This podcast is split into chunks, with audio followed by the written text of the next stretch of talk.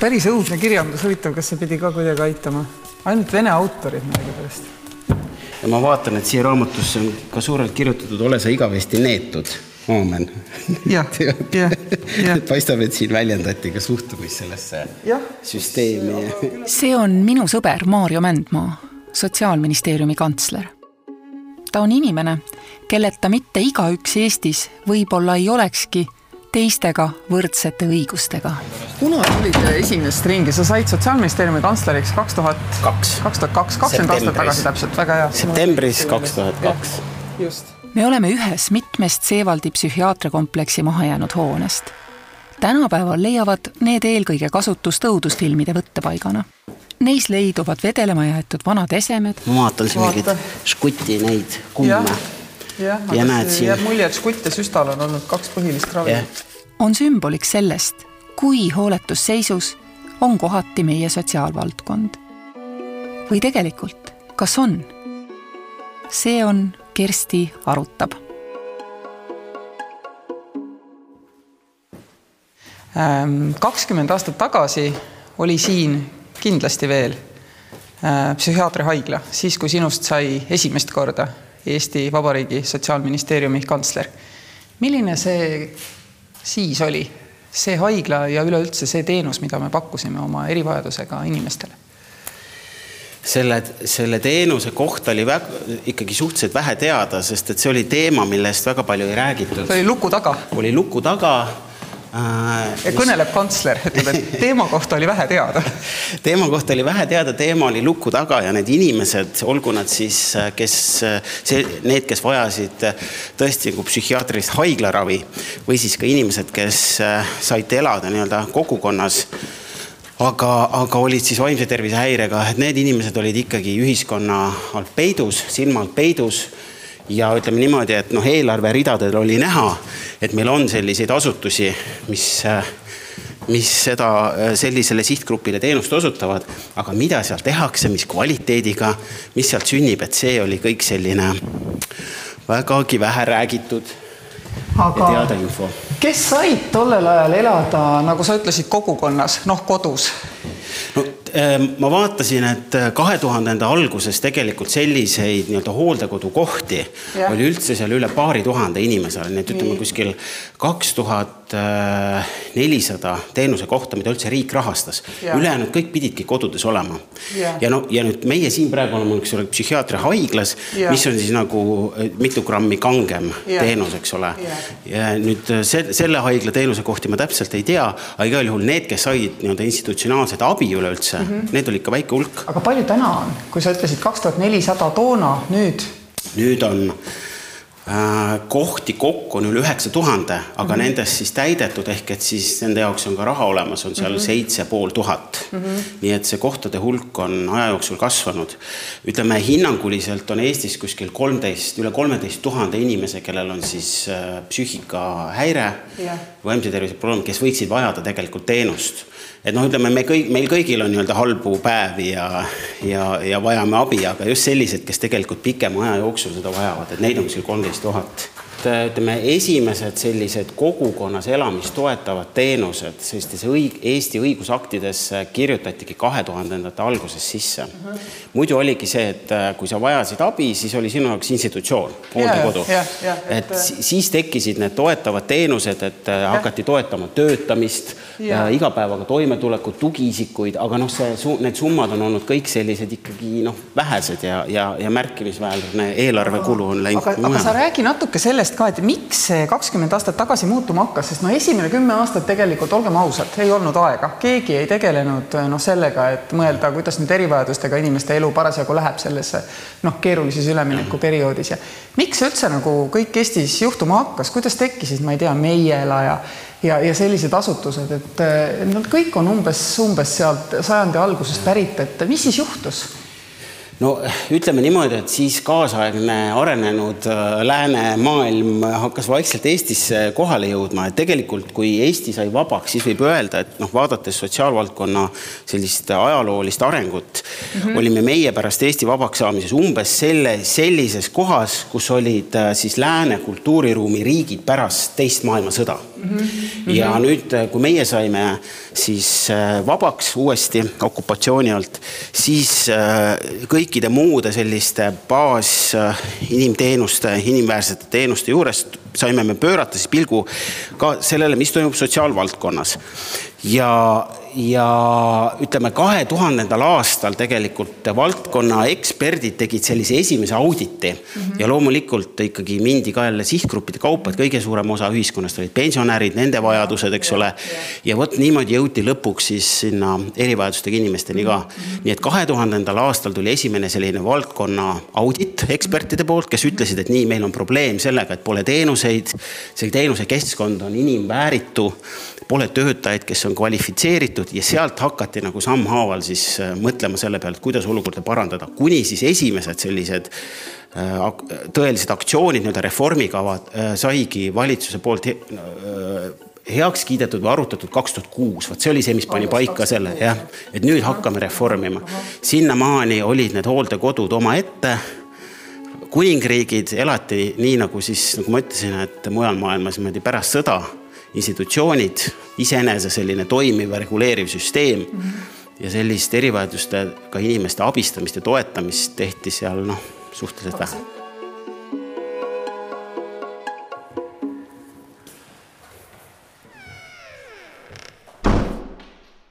nüüd me oleme jõudnud oma ajutisse stuudiosse, mis siis on kellegi palatis. palat number üheksa. palat number üheksa, just nimelt. et ähm, võime sellesse õhustikku ja tollesse aega veelgi enam äh, nagu sisse elada, et aga mismoodi tollel ajal oli korraldatud Eestis äh, omastehooldus, mismoodi oli korraldatud äh, erivajadusega laste tugisüsteem, kuidas see kõik oli kakskümmend aastat tagasi? No see hästi palju äh, sõltus äh, lastevanemate endi sellisest äh, tahtmisest ja aktiivsusest, ütleme selle ajani tegelikult see põhisuundumus oli, et kui sul oli erivajadusega laps, siis pigem soovitati see laps anda lastekodusse. ma ise keskkooli ajal töötasin suviti lastekodus, kus just nimelt olid siis, see oli väikelastekodu, nii et sünnist kuni kolme aastani olid seal lapsed ja, ja see oli see, mida noh, vanematele öeldi, sest et ütleme ikkagi liitpuudega lapse sünnid sellel ajal ju ka tervisesüsteem ei suutnud väga hästi ette prognoosida, et milline on see võimalik terviserike, juhul kui see tuleb. seega neid äh, erivajadusega lapsi sündis äh, ikkagi palju võrreldes tänase päevaga. ja noh, vanematel oli väga keeruline toime tulla, ütleme Eestis oli legendaarne Karula yeah. hooldekodu, kus yeah., äh, millest räägiti selliseid õud-, õudusjutte, et kui ma neid fotosid sellest hoonest olen näinud, siis noh, seal on olnud suured ruumid, kus kümned voodid on niimoodi kõrvuti ja, ja seal on tegelikult inimesed, kes siis noh, on lihtsalt lebavas asendis. et see oli valdav trend ja need, kes siis proovisid ikkagi toime tulla, ei soovinud lastest loobuda, need olid sellised kangelasvanemad, sageli emad ja ega see tugisüsteem neile äh, väga suur riigi poolt ei olnud. et veel kord, riik siis rahastaski sellist institutsionaalset hooldust Äh, olgu see siis lastekodu, olgu see siis erivajadustega inimeste nii-öelda täiskasvanute hooldekodud. aga iseseisvuse alguses tekkis, eks ole, neil inimestel võimalus noh, kellel oli selline soov ja tahe ikkagi mitte ära anda oma, oma puudega last neil tekkis see võimalus asutada MTÜ-sid, mis siis eh, nii-öelda noh, tuntud, tuntud lause on Norra rahad, eks ole. Yeah.. Norra rahade ja nende vanemate tahte näol mindi läbi halli kivi ja hakati looma siis inimväärseid võimalusi ka siis eh, noh, Downi sündroomiga lastele, teiste vaimse puuetega, vaimsete puuetega ja liitpuuetega noortele paremaks, paremaks eluks, kas ministeerium nagu nägi, tunnustas ja märkas ja kas sealt pärinebki nagu see meie teadmine, et kuidas neid asju noh, pari-, paremini võiks teha, lisaks muidugi noh, meie lääne partnerite ja, ja muude, muude, muude sõnumitele. et kas see, see oli ka nagu oluline sisend, et tollel ajal, kui, kui noh, sina hakkasid näiteks mõtlema, et kuidas see asi võiks käia, et noh, läksid ja vaatasid, eks ole, Võrus oli Meiela ja ja Tartu taga Maarja küla, eks ole, need olid ju tollel ajal juba algatused, mis olid olemas, et pioneerid tegelikult meil olid, kes tegid. ja pioneerid olid ja ma mäletan ka seda, et hästi palju äh, see lootus sellest valdkonnast nii-öelda äh, kvaliteeti või arengut näha tugineski ikkagi sellele, et meie riigina veel ei jõudnud sellisel määral nende teemadega tegeleda ja me üritasime toetada siis neid entusiaste, neid vanemaid, neid eestvedajaid, kas või seesama Maarja küla, eks seal see kinnistu küsimus.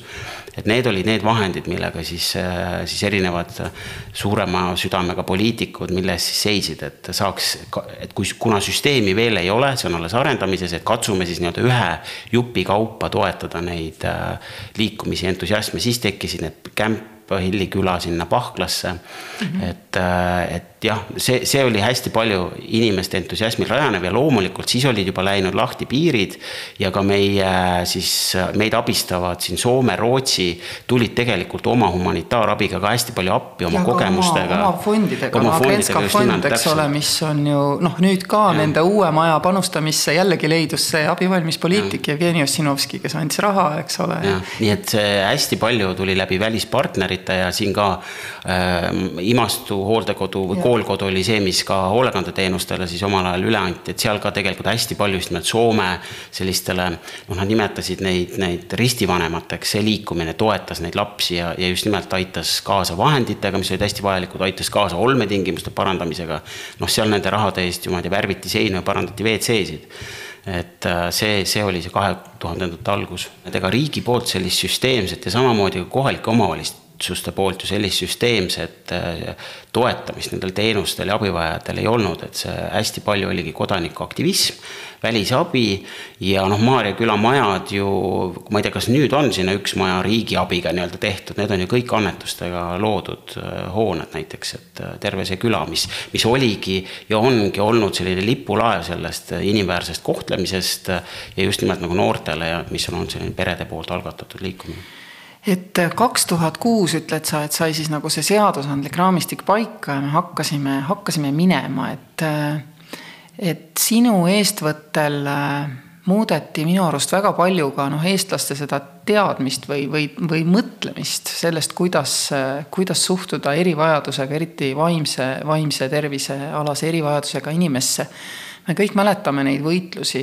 et, et kui hakkasid inimesed lahkuma nendest äh, suurtest äh, haiglatest ja, ja hooldekodudest äh, korteritesse ja majadesse, et siis mitte iga omavalitsus ja mitte iga noh, piirkond igas linnas ei tervitanud seda ju noh, rõõmuga.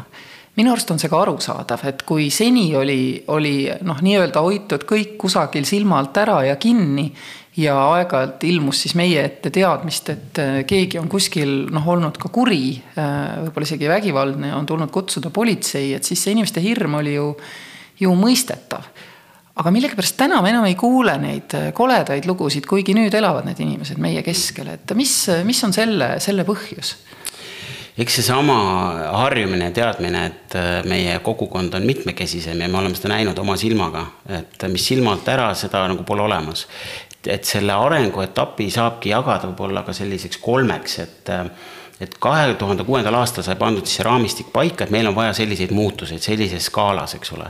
on vaja ikkagi kõik need suured hooldekodud teha väikesteks äh, inimväärseteks elupaikadeks ja et nad võiksid olla ka võimalikult lähedal siis kogukondadele, kus tavalised inimesed elavad. noh, et see mõtteviis, mis mujal oli niimoodi kuuekümnendatel Skandinaaviast hakkas tulema, see siis jõudis meieni ka ja, ja ütleme seal samamoodi tegelikult see esimene väga oluline samm ehk et luua siis see inimväärne elukeskkond, see sai ikkagi noh, alguse ju tänu Euroopa Liidu fondidele et Euroopa Liit on toetanud väga seda muutust kõik need ajad, kõik, kogu see investeeringute maht, mis on tulnud suurusjärk kuue, kuuskümmend miljonit eurot, on ainult välisrahadest. ja nüüd äh, võib öelda, et kui me sellega alustasime kahe tuhande kümnendatel aastatel, siis tegelikult oli suhteliselt lihtne inimestega sellest rääkida, sest et siis oli see ettekujutus täitsa null, et mille, kes need inimesed on, kes siia meie lähedale tulevad elama. ja siis me rajasime ka selliseid külalaadseid äh, kogukondi, et äh, me ei, me ei paigutanud ja ei loonud nendele inimestele kohti niimoodi üksikuna hajusalt kogukonda, vaid tegime sellised peremajadega külad. see oli siis trend. väiksemates kohtades ja, ka, eks just, ole. just mm, -hmm. ja see läks meil suhteliselt hästi, et seal meil selliseid vaidlusi kogukondadega väga ei tulnudki, öeldi, et hea küll, no vaatame ja nüüd, kui me siis äh, nagu teise lainena tulime äh, nende väiksemate, veel hajusamate üksustega, ütleme külas seal oli mingi kuuskümmend inimest, kuus peremaja, siis nüüd me tahtsime teha veel väiksemad, seal äh, kuni kolmkümmend inimest, kortermajad, väiksed korterid. vaat siis oli inimestel juba tekkinud selline eneseteadlikkus kogukondadel ka, siis oli see küsimuste esitamine, et kelle te ikka siia toote, millest te räägite. ja siis oli tõesti vaja teha ka selliseid rahvakohtumisi, kus me võtsimegi ka needsamad tulevased elanikud kodanikud, kliendid kaasa, kes rääkisidki, kes nad on. noh, ma kujutan ette, et ilmselt meie järeltulevad põlved mingil hetkel vaatavad piinlikkusega kõik neid rahvakohtumiste videosid ja lindistusi, eks ole. et kuidas siis ühed inimesed seletavad teistele, et vaadake, ma olen tegelikult näete käed ja jalad ja ma tahan elada nagu inimene.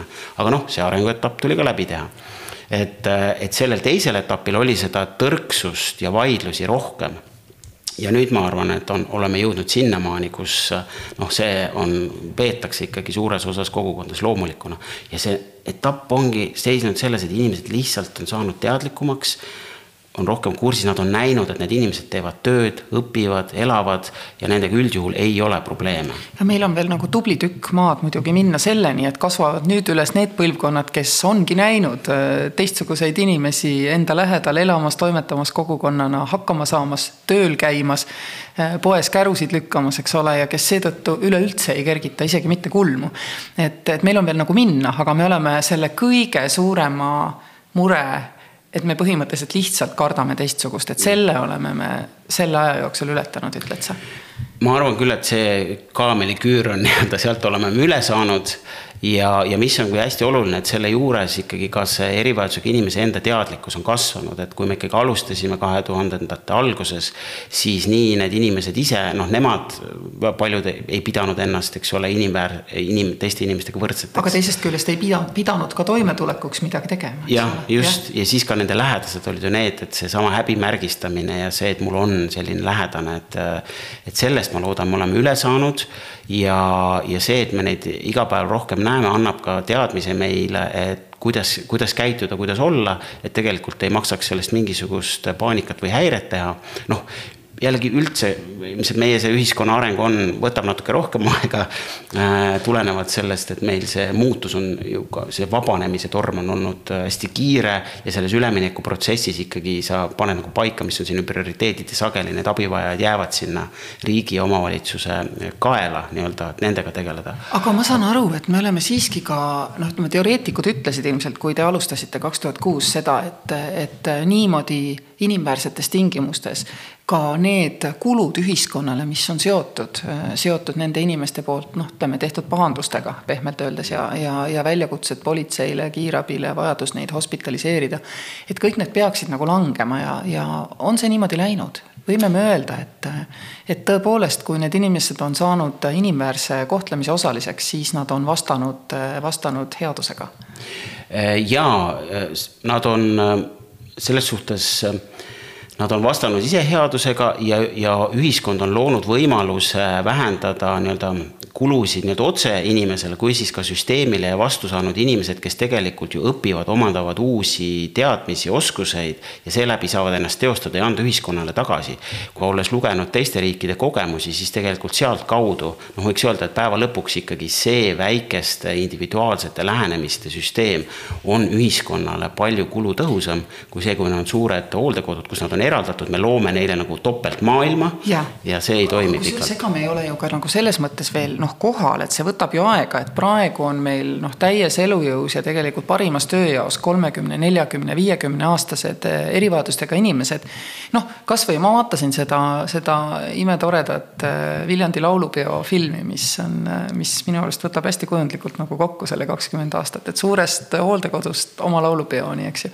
ma vaatasin seda filmi, seal on inimesed, kes tõenäoliselt, kui nemad oleksid lapsena saanud sellist kohtlemist, nagu saab täna sündiv erivajadusega laps, siis nad oleksid oleksid äh, tõenäoliselt olnud võimelised lõpetama lihtsustatud õppekaval vähemasti kooli ja panustama täiesti tavalise tööinimesena erilist tuge vajamatagi sellesse süsteemi. et me tegelikult ei saagi veel seda täna mõõta, et meil peab üles kasvama nüüd see uus põlvkond juba, kes noh, on saanud algusest peale seda tuge, aga see muutus on väga-väga suur ja ilmne. jah, ja, ja loomulikult, kui nüüd ütleme, mõni erivajadusega inimese lähedane kuulab seda juttu, siis tema kindlasti tahaks, et oleks juba veel kaugemale jõudnud, aga ma arvan ka, et see suur ja raskem osa sellest teest on meil praegu käidud selle füüsilise keskkonna muut-, muutuse näol, nende inimeste kogukonda toomise näol. aga mis on muidugi ka hästi oluline, et seal kõrval ju tegelikult on arenenud ka meditsiin, võimalused ehk et nende inimeste sellist tervist saab hoida ka teiste vahenditega lisaks, eks ole sõidan Viljandimaale sihtasutusse Perekodu. seal õpib kolmeteistaastane lihaspuudega Riin. Sa mäletad, me oleme varem ka kohtunud?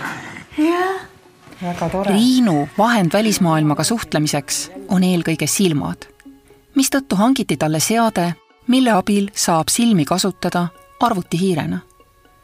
niimoodi saab Riin joonistada, netis surfata ja koolitöid teha, nagu iga teine temavanune kas sa mäletad, kui sa selle süsteemi said? jaa, kui vana sa olid? Ma ei mäleta. sa vist olid umbes kuueaastane, võis olla? võis. käisid lasteaias? jaa. aga kuidas äh, enne oli, kas sa seda aega ka mäletad, kui sul veel ei olnud seda masinat? jaa. kas siis oli raskem õppida? jaa. kuidas sa siis õppisid, mäletad? ei mäleta. ei mäleta.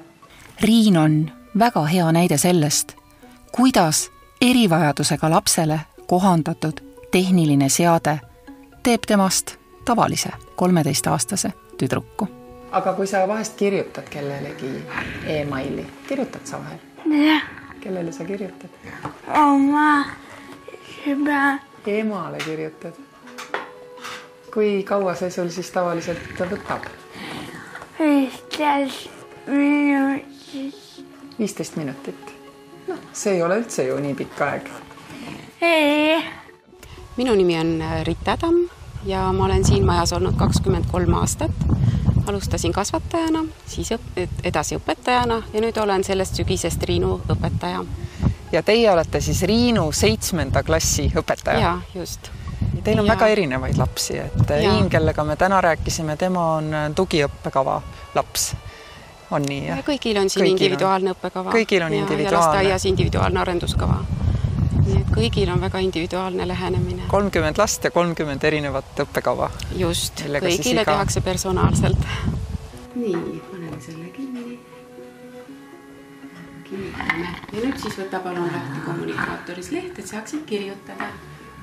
jah aga kui me mõtleme nüüd sellele, et me oleme tulnud pika tee, siis mis on need sammud, millest teie täna unistate? lisaks sellele muidugi, et ma juba kuulsin, et maja tegelikult vajaks uuendamist, et ta on ikkagi tolle aja standardite järgi ehitatud ja elektriarved ja kõik see muu teema mm. -hmm. millest me täna unistame, et need inimesed, kes vajavad ühiskonna tuge ja abi lapsest peale, saaksid oma unistusi ellu viia nii palju, kui see on vähegi võimalik mm? -hmm. no et oleks inimesi, kes saaksid lapsi aidata, et oleks piisavalt personali, et oleks äh, abivahendeid, mida iga laps personaalselt vajab.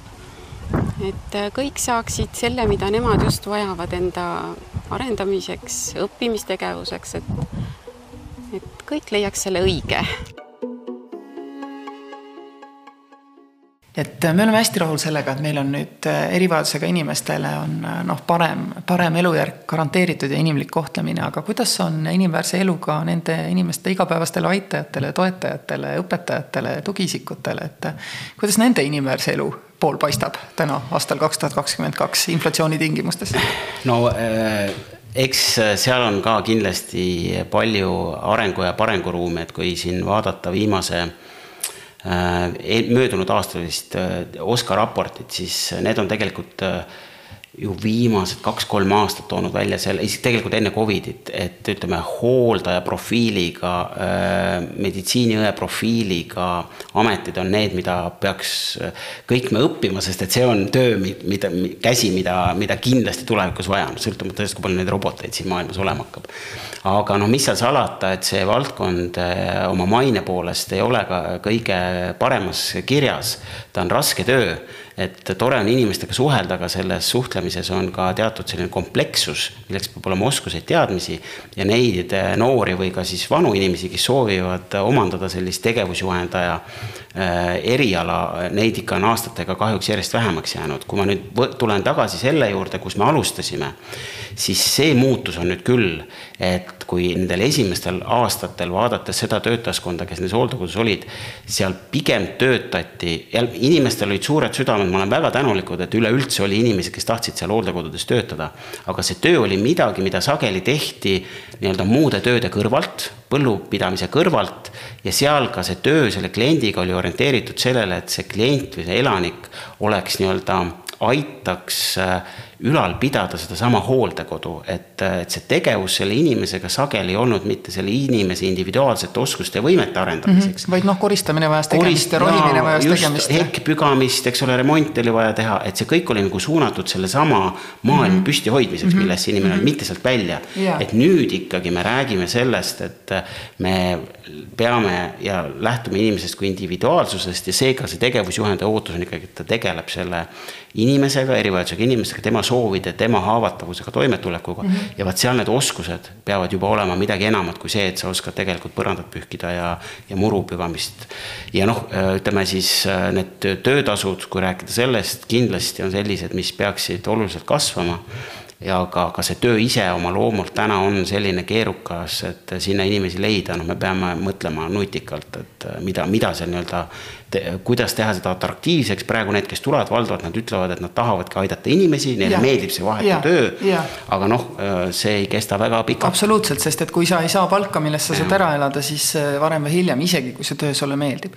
aga rääkides veel sellest oskustest ja nende muutumisest, et miks on meil see kaasav haridus ikkagi nii halva mainega, et noh, meil on koole, mis teevad väga ilusti kaasavat haridust, et ongi seadnud selle oma eesmärgiks, noh, Pihasoo algkool näiteks ja, ja paljud teised veel veel ja siis on meil koole, kus noh, ütleme, kaasav haridus eh, ei ole miski, mida, mis kooliperele oleks, oleks mugav. Ja noh, see põhjus tõenäoliselt on see, eks ole, et, et inimesed ei tea, nad ei oska ja nad ei ole, ei ole valmis pakkuma erivajadusega lastele ja noortele noh, kuulumist kogukonda, et nad, nad pigem näevad neid kui probleemi ja isegi kui nad seda ei väljenda verbaalselt, aga seda on näha noh, ütleme kehakeelest või sellestki, et erivajadusega laps kooliaktusel ei esine, eks ole.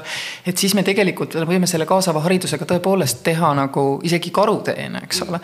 et, et kus me siin peaksime nagu liikuma, et noh, üks variant on öelda, et meil ei tulnud välja see kaasav haridus, et kaasavas hariduses noh, saavad osaleda ainult nende vanemate lapsed, kes on ise valmis minema läbi halli kivi, vestlema klassikaaslaste vanematega vanematega tegema koolis, noh, kooliga igapäevast koostööd. ja teistele jääb siis ikkagi see, see, see võimalus õppida, õppida erivajadustega laste koolis. et kuidas me, kuidas me sellega peaksime edasi liikuma? no ka kolleegidega rääkides ja nendelt infot küsides, et siis ikkagi maailmas on äh, veendumus selles, et see kaasav haridus on ikkagi õige suund ja just nimelt jälle me räägime sellisest inimväärsest kohtlemisest ja inimeste eraldamisest ja eristamisest. Need, kes tulenevalt siis oma psüühikahäirest või siis vaimse või füüsilisest erivajadusest ei saa olla meie keskel. Neid on ikkagi vähemuses, enamik on selliseid, kellega ikkagi alguses ja hästi tegeledes tullakse toime. meie suur küsimus on sama rakendus, et kuidas me seda rakendame. -hmm. me peaksime vaatama, et nüüd õpp, õppima sellest kogemusest, mis on ja, ja minule tundub, et me siiski, võttes arvesse seda oma nappi ressurssi ja teadmist, oleme päris hästi hakkama saanud.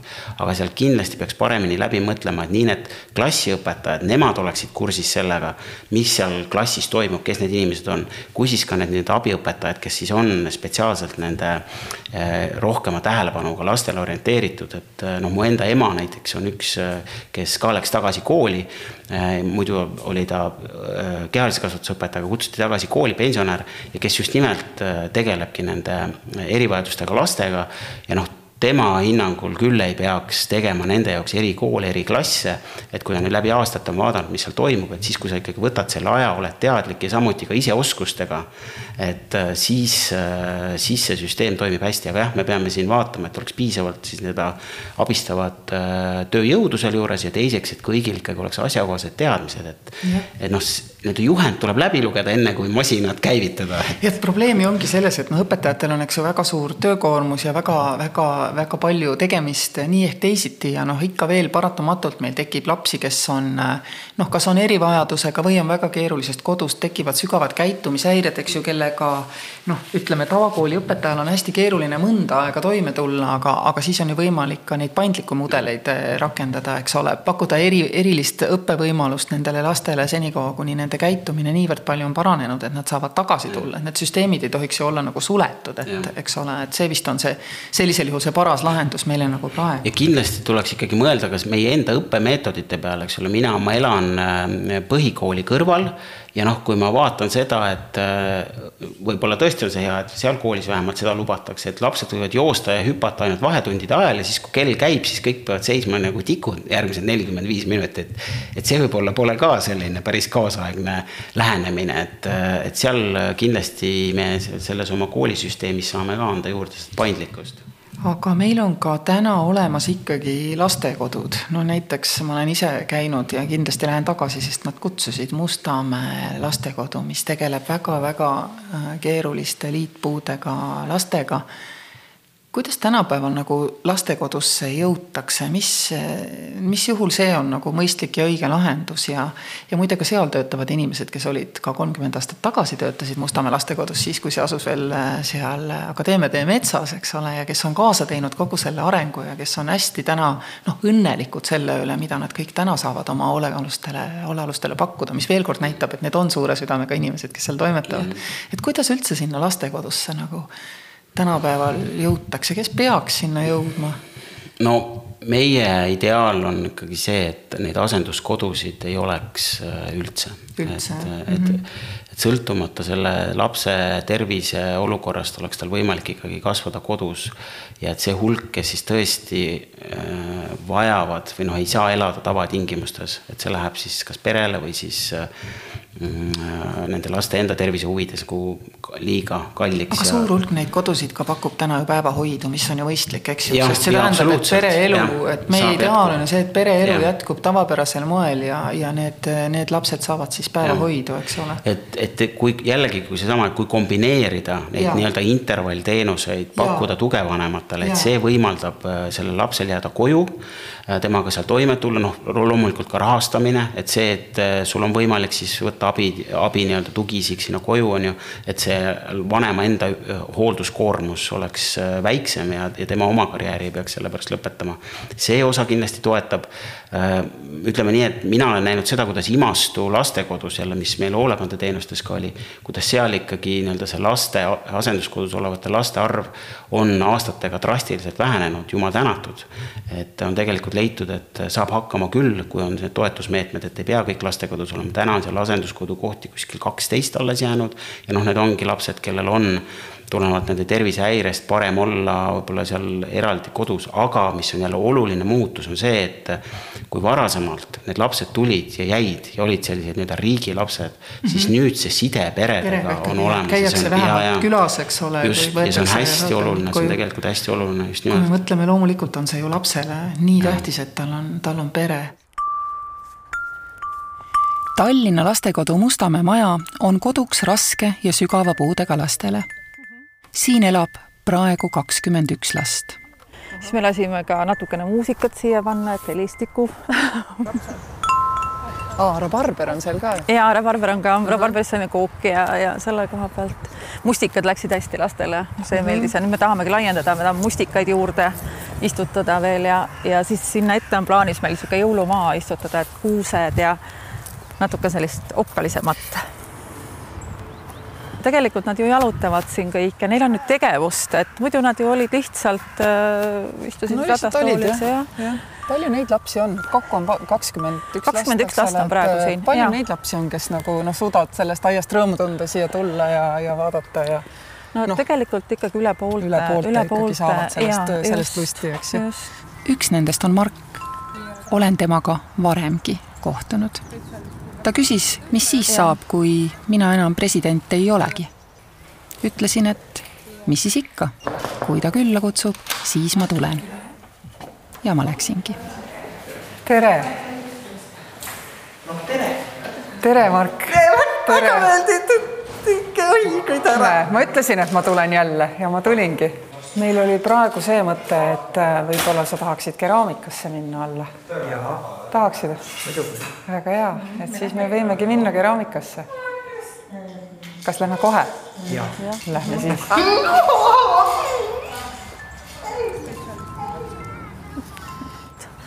ja, ja siis äh, siia seal nende peale on mõeldud siis herned mm -hmm. Istutada, et äh, hernes ju ronib hästi-hästi ja siis äh, need hernekaunad, kui nad käivad siin ja nopivad, et saavad siis neid. jah, praegu on juba kõik ära puhastatud, et äh, sügis juba käes. aga miks teie seda üldse teete, see lihtsalt? Majandusjuhatajad ei pea tavaliselt aedu ajama. absoluutselt, absoluutselt, tegelikult ma ei teagi, et äh, ma jalutasin siin aias, siin oli nii palju pinda Jah. ja, ja kui ma neid lapsi nagu vaatasin, siis ma ju sain aru, nad ei käi ju kuskil, nad ei lähe, neil ei ole maakohta, nad ei käi metsas marjul. Jaa. et äh, nendel jääb nagu seda puudu mm. -hmm, ja siis ma hakkasin niimoodi rääkima, siis ma rääkisin meie juhatajale mu sellest ideest, et teeks siia lastele niisuguse vanaema aia ja selline mm. -hmm. ja nii ta tuli ja nii ta tuli ja nüüd on see südameasjaks võetud, et no ja muidugi meie Mark, kes armastab siin ju käia, see pime poiss, kes oli eelmine kord ka meil Jaa, siin kaasas et äh, noh, tema jaoks on siin ikkagi selline paradiis selles mõttes, et ta käib, ta nuusutab, ta tunnetab mm -hmm. kõike siin on katsu, katsumist on ka, lehed Jaa. on karvased ja lehed on Just, siledad ja kõik just. see. palju, väga palju vist külalisi ei käi või käib või?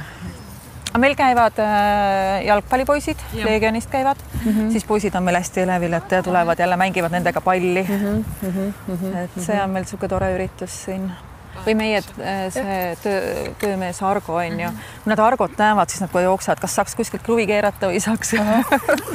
Noh, ikka tahad ju, et äh, vaata, see ongi kogu, kogu majapidamine, eks ju, te olete majandusjuhataja, siis on keegi, kelle ülesanne on kruvisid keerata, aga kõik nad ikkagi ju on laste jaoks pere. ikka, ikka muidugi. et see on ka et äh, ma just siin naersin, et meil on ju kokku üleüldse sada seitsekümmend last ja mul oma laps küsis kodus, et ema, kas sa tead kõike nimepidi? ma ütlesin, tead, tegelikult vist tean küll jah jah, muidugi. et käid ju igapäevaselt ja, ja, ja tegeled ja, ja tunned neid, et et nad ongi nagu meie pere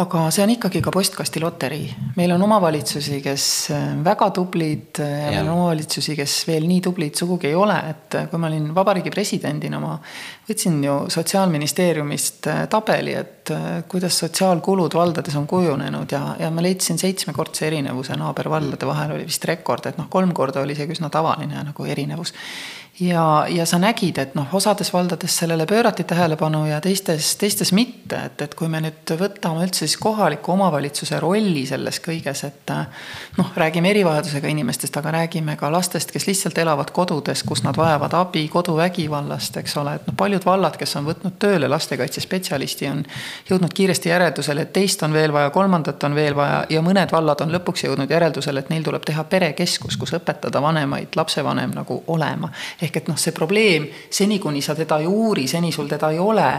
ja siis, kui sa teda noh, hakkad uurima, siis, siis ju kohe on, et. Nüüd, mis puudutab neid kohalikke omavalitsusi, siis see on jälle selline teadmiste, oskuste, kompetentside küsimus, noh mis teha, see elu kahjuks läheb nii aeglaselt, ükstaspuha, kui ei tahaks ka keerata, keerata seda kiirendust sinna peale, et alles me tegime selle haldusreformi, et meil nüüd peaksid moodustuma tugevamad omavalitsused, kellel on tegelikult natuke rohkem No ressurssi. jah. Jaa. ja, aga et nüüd nad, neil on ka ressurssi võtta rohkem omale eksperte kamba peale siis mm -hmm. tööle, needsamad sotsiaalvaldkonna eksperdid ka, lastekaitsjad ka, kes siis oskavad märgata seda, mis toimub, eks ole. nüüd me oleme jõudmas ka sinnamaani, kus omavalitsused ilmselt saavad aru, et noh, see, et muidugi teed on tähtsad, loomulikult ettevõtlus ka, aga kui sul ei ole enam inimesi, kui sul ei ole inimesi, siis tegelikult noh, põhimõtteliselt sul ei ole seda kapitali. ma arvan, omavalitsused saavad siis aru, kui valija seda nagu tellib, et, et noh, et, et tegelege palun ka nende kurbade juhtumitega meie piirkonnas. jah, aga, aga see ka jällegi saab alguse ka sellest, et, et sa üleüldse, sul on, sul on endal territooriumil inimesed, kes hakkavad tõstatama teemasid, et me tahame, et meie kodukandis oleksid see ja teised kolmas Jah. teenust kättesaadavad Jah, ja siis jah. omavalitsus hakkab selle peale Jah, mõtlema, eks ole, just. siis ta võtab selle eksperdi mm. -hmm. nii et see teekond sinna nagu selles mõttes ikkagi veel nii-öelda orgaaniliselt minnes pikk, et me peame jõustama neid üksikuid entusiastlikke revolutsionääre, kes julgevad neid teemasid tõstatada ja niimoodi me saame nendesse mm. toanurkadesse selle valgusvihu peale. et hästi palju sellest rääkima, loomulikult siin noh, ka Sotsiaalministeerium selles suhtes peab oma seda eestvedavat rolli kindlasti senisest rohkem tegema. jah, sest täna on need teenused ikkagi, mis on suunatud ohvrite aitamisele, on, on kõik Sotsiaalkindlustusameti hallata, eks ju. kuule, me oleme ka valijad, sa ja ma, et valimised on tulemas, et ütle, mis need kolm asja on nagu, mille peale peaks oma hääle andma, mis nagu sotsiaal, sotsiaalhoolekandes ja ütleme noh, omastehooldus, koduvägivald, erivajadusega inimesed, vaimne tervis, noorte laste oma eriti. mis need kolm asja on, ma ütlesin praegu neli valdkonda ja luban sulle öelda kolm kõige tähtsamat asja, mis, mis tuleks teha selleks, et et äh, me oleksime nelja aasta pärast enne järgmisi valimisi saaks öelda, et noh, need nüüd siin mingisugune baas sai jälle laotud, et nüüd astume järgmise sammu edasi. no need, ma olen selle peale mõelnud ja see on nii raske küsimus, et millelegi sõrm peale panna ja mõeldes ka, et tegelikult need äh, valdkonnad on seal sees ka ju erinevad, eks ole. Et hästi kahju on öelda, et ei pea vägivalda toetama, et toeta midagi muud, aga ma arvan, et äh, me peaksime investeerima äh, noortesse ja vaimsesse tervisesse, sest et see on see, mis on meie tulevik. Me peaksime kindlasti äh, omastehooldusega tegelema, et kuidas ikkagi seda hoolduskoormust tuua alla inimestel ja, ja, ja see tähendab, et läbi sellise teenuste äh, kättesaadavuse suurendamise, toe pakkumise me jällegi loome võimaluse, et need inimesed saavad panustada teisipidi kogukonda. nii et äh, ma võtaksin siis selle, noored vaimne tervis, äh, omastehooldus ja noh ma, ma tahaks kuidagi investeerida sellisesse universaalsesse keskkonnadisaini, et, et see keskkond oleks ligipääsetav, et, et nii, nii virtuaalne kui füüsiline keskkond oleks ligipääsetav, et jälle me looksime rohkem võimalusi, et inimesed ise et kui siis kas riik või KOV ei jõua teenustega järgi mm, -hmm. siis vähemalt on keskkond, kus inimene ise, kui ta vähegi tahab, saab hakkama et need oleks need. sa ei mõtle ainult bussiplatvorme, vaid ei, sa mõtled kõike. ka ühiskonnas seda taju ja taipamist ja, ja, ja seda no, üksteise vastu inimlik olemist, ükskõik millised me siis oleme. ka info ja teabe edastamine, et see ja. oleks viisil, mida on võimalik lihtsalt kiirelt tarbida, on ju, et üks on see, et sul bussiplatvorm on madal, aga teine on see, et sul on ka lihtsalt kiire teada saada, millal see madala platvormiga buss tuleb. ja et ta siis ka tuleb. jah, just, et ta mhm. siis ka tuleb no.. aga see omastehoolduses, kas, kas hüüatus ei ole ju ometi rohkem hooldekodukohti? Et eks, et me pigem vist oleme liiga selles ääres, et tegelikult on meil vaja just rohkem koduhooldust. meil on vaja rohkem koduhooldust, ütleme tugiisikuid, kes saaksid kodudes käia, inimesi toetada. meil oleks äh, vaja toetada seda, et inimesed saavad vajadusel oma kodusid kohandada. meil oleks vaja minu arvates ka kokku leppida need standardid, kuidas, milline on üldse see füüsiline keskkond kodude näol, mida me ehitame, et see oleks ligipääsetav kõigile. meie kõigiga võib juhtuda, eks ole. et äh, mina pigem ütleks, et äh, mida vähem hooldekodusid, seda parem. et ma õudusega vaatan seda, mismoodi neid suuri hooldekodusid rajatakse. meie, eks ole, oma eri, hoole, hoolekandeteenustes ja need suured mõisamajad ja nii-öelda kolhoosid müüsime kõik maha, sest et see ei ole inimväärne keskkond yeah. ja need osteti ära teenuseosutajate poolt, kes nüüd teevad sinna siis nii-öelda need vanadekodud, et. Ähm, see on päris kurb mõte no aga samas, kui nõudlus jällegi on. nõudlusi on, sest aga... ei ole seda teist, teist teenust ja, ja seegi teenus käib üle jõu. aga ütleme, mina olen käinud välismaal, näinud seda, kuidas ka needsamad eakatele loodud korterid, teenusekeskkonnad on ikkagi sealsamas kogukonnas sees, et me jälle ei eralda neid ära, me ei tekita nende oma sellist äh, getot. ma olen minu meelest, ma olen näinud ka sellist lahendust, ma olen näinud Imaveres ja ma olen näinud Tartu lähedal oli ka, oli, kus oli tehtud talvel elamise korterid noortekeskusesse muideks. väga tore, vaata on ju, noori näed ka liikumas ja toimetavad. ja, ja no ütleme, Põhjamaades on ju, ütleme need korterid, siis on need kogukonnakeskused, kus sa miksidki ära inimesed. seal käivad mingil kellaajal hommikuti võib-olla eakad on ju, õhtul on erivajadusega inimesed, kes pakuvad seal sulle mingit kohviku või restoraniteenust, noh et need mudelid on hästi palju, need on läbi mängitud tehtud. ja need on tegelikult, lisavad meile kõigile väärtust. kuule, mis see maksab? kas Eesti maksusüsteem nagu noh, ütleme, suudame, ma arvan, me kõik oleme nõus, et me oleme sellise mõnusa keskmise maksukoormusega riik seal kolmekümne viie protsendi juures SKT-st, me tegelikult seda tõsta ju ei taha. et kuidas me nüüd jõuaksime siis selleni, et noh, ühelt poolt me ei tea Euroopas teisi riike, kes üritaksid seda eakate hooldust, erivajadustega hooldust teha raviteenuse rahast, meie väga suuresti üritame, eks ole, noh, pluss mõned muud sotsiaalministeeriumi eraldised nii-öelda. aga mi-, mis see peaks olema, mis meile sinna süsteemi kas raha juurde toob või siis, või siis nagu ümber teeb selle asja, sest et noh, ütleme, meil võiks olla ju ma ei tea, ma, olen ise elasin Luksemburgis palju, seal on näiteks hoolduskindlustus, et noh, maksad kolmkümmend aastat ja siis pärast tuleb see valges kitlis tädi ja toob sulle poest söögi ja teeb süsti ära, et kas see on meie tee või on mingisuguseid muid variante ka? no mina isiklikult usun sellesse hoolduskindlustuse süsteemi, et seda võiks äh, tõsiselt kaaluda ja arvutada, sest et äh, kuidagi peaksime tekitama selle raha liigutamise ja samas siis ka inimese vastutuse suuremal määral selle eest oma tuleviku mõtlemise peale, nii et see võiks olla tõesti üks lahendus, mis, mille peale nagu mõelda, et olemasolevas süsteemis ja nüüd olles teist korda kantsler, raha ümbertõstmine on äärmiselt keeruline, et see eeldab sellist reformi milleks ma kardan, et me ei, me ei saa nende poliitikute hääli nii-öelda kokku lähiajalgi.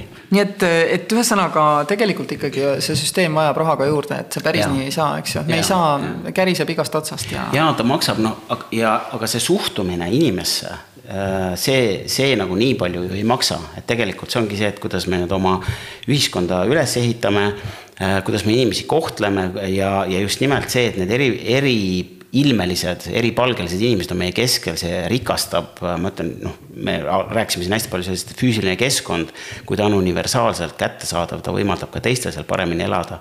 aga see erisus ju tegelikult töötab ka inimese nii-öelda emotsionaalsele ja vaimsele võimele ju, noh, seda on ka tõestatud, et mida mitmekesisemas keskkonnas sa oled, seda tegelikult avaram on ka sinu enda võime nii-öelda siin elus hakkama saada, nii et see on kindlasti võit äh, ka selle poole pealt, on ju, et, et äh, ta on, teda on võimalik rahasse panna, kindlasti seda on tehtud, need uuringud on tehtud, aga see emotsionaalne rikkus, mis sealjuures on ja, ja kuidas ta sinu enda sellist toimetulekut arendab, et see, ka seda on uuritud, need teadusuuringud on ka olemas, mis seda näitavad. ja jah, et noh, lood sellest, et kui me näeme, mul on väga hea meel, et tänavatel on rohkem ratastooli inimesi, on ju, aga olen ka äh, visanud nende inimestega nalja, et, et siis pannakse nad kuskil üritusel kokku ühe laua taha, et teie olete ju need ratastoolides mm. -hmm et me, me ei vaata neid kui inimesi, kellest mm -hmm. tegelikult üks on kes on sotsiaalkaitsespetsialist, teine on teadlane, kolmas on programmeerija. oma inimestega rääkida, et me ja. ikka, me peaksime üle saama sellest, me defineerime inimest tema haiguse ja tema mingi välise tunnuse järgi, et tegelikult. Äh, jaa, sest nagu siis vaata, võib-olla kaoks ära ka need tabelid, et ma olen päriselt ka ise seda näinud, et on, lähed vallavalitsusse, siis seal pannakse seinale, et mis meil vallas toimub, et noh, meil on siin on äh, ujumine, ratsutamine, jahiselts ja naistegevused. et äh, see ratastooli asi lihtsalt praegu tõi mulle nagu selle meelde meelde. ja kui saab ratastooliga, saab ka titekäruga, eks ole, nii et noh, selles mõttes ja. kõigil tegelikult saab olema, saab olema märksa, märksa meeldivam. aga valimistelt siis äh, ootame, midagi ei ole teha, raha äh ma, see, see kõlab nii halvasti ju, kui me ütleme, et ainult raha aitab, ei, et ütleme, et me ootaks seda julgust mõtestada ümber süsteemi rahastamist yeah aga kindlasti tahaks seda, et me tegeleksime ikkagi selle pikaajalise hoolduskoormuse vähendamisega, et, et teenuste ja, ümber. eelkõige, et kõikide inimeste elu, sõltumata sellest, kas neil on endal puue, lähedasel on puue, saaks jätkuda tavalisel moel, et nende jaoks ei läheks keerulisemaks alates trepist alla tulemisest, kooli minemisest, tööle minemisest kuni kõikide muude osalemisteni siin meie ühiskonnas. jah, et inimest ei defineeritaks tema haiguse või puude järgi, vaid selle järgi, kes ta ise on. super, aitäh sulle, Maarjo. aitäh sulle huvi tundmast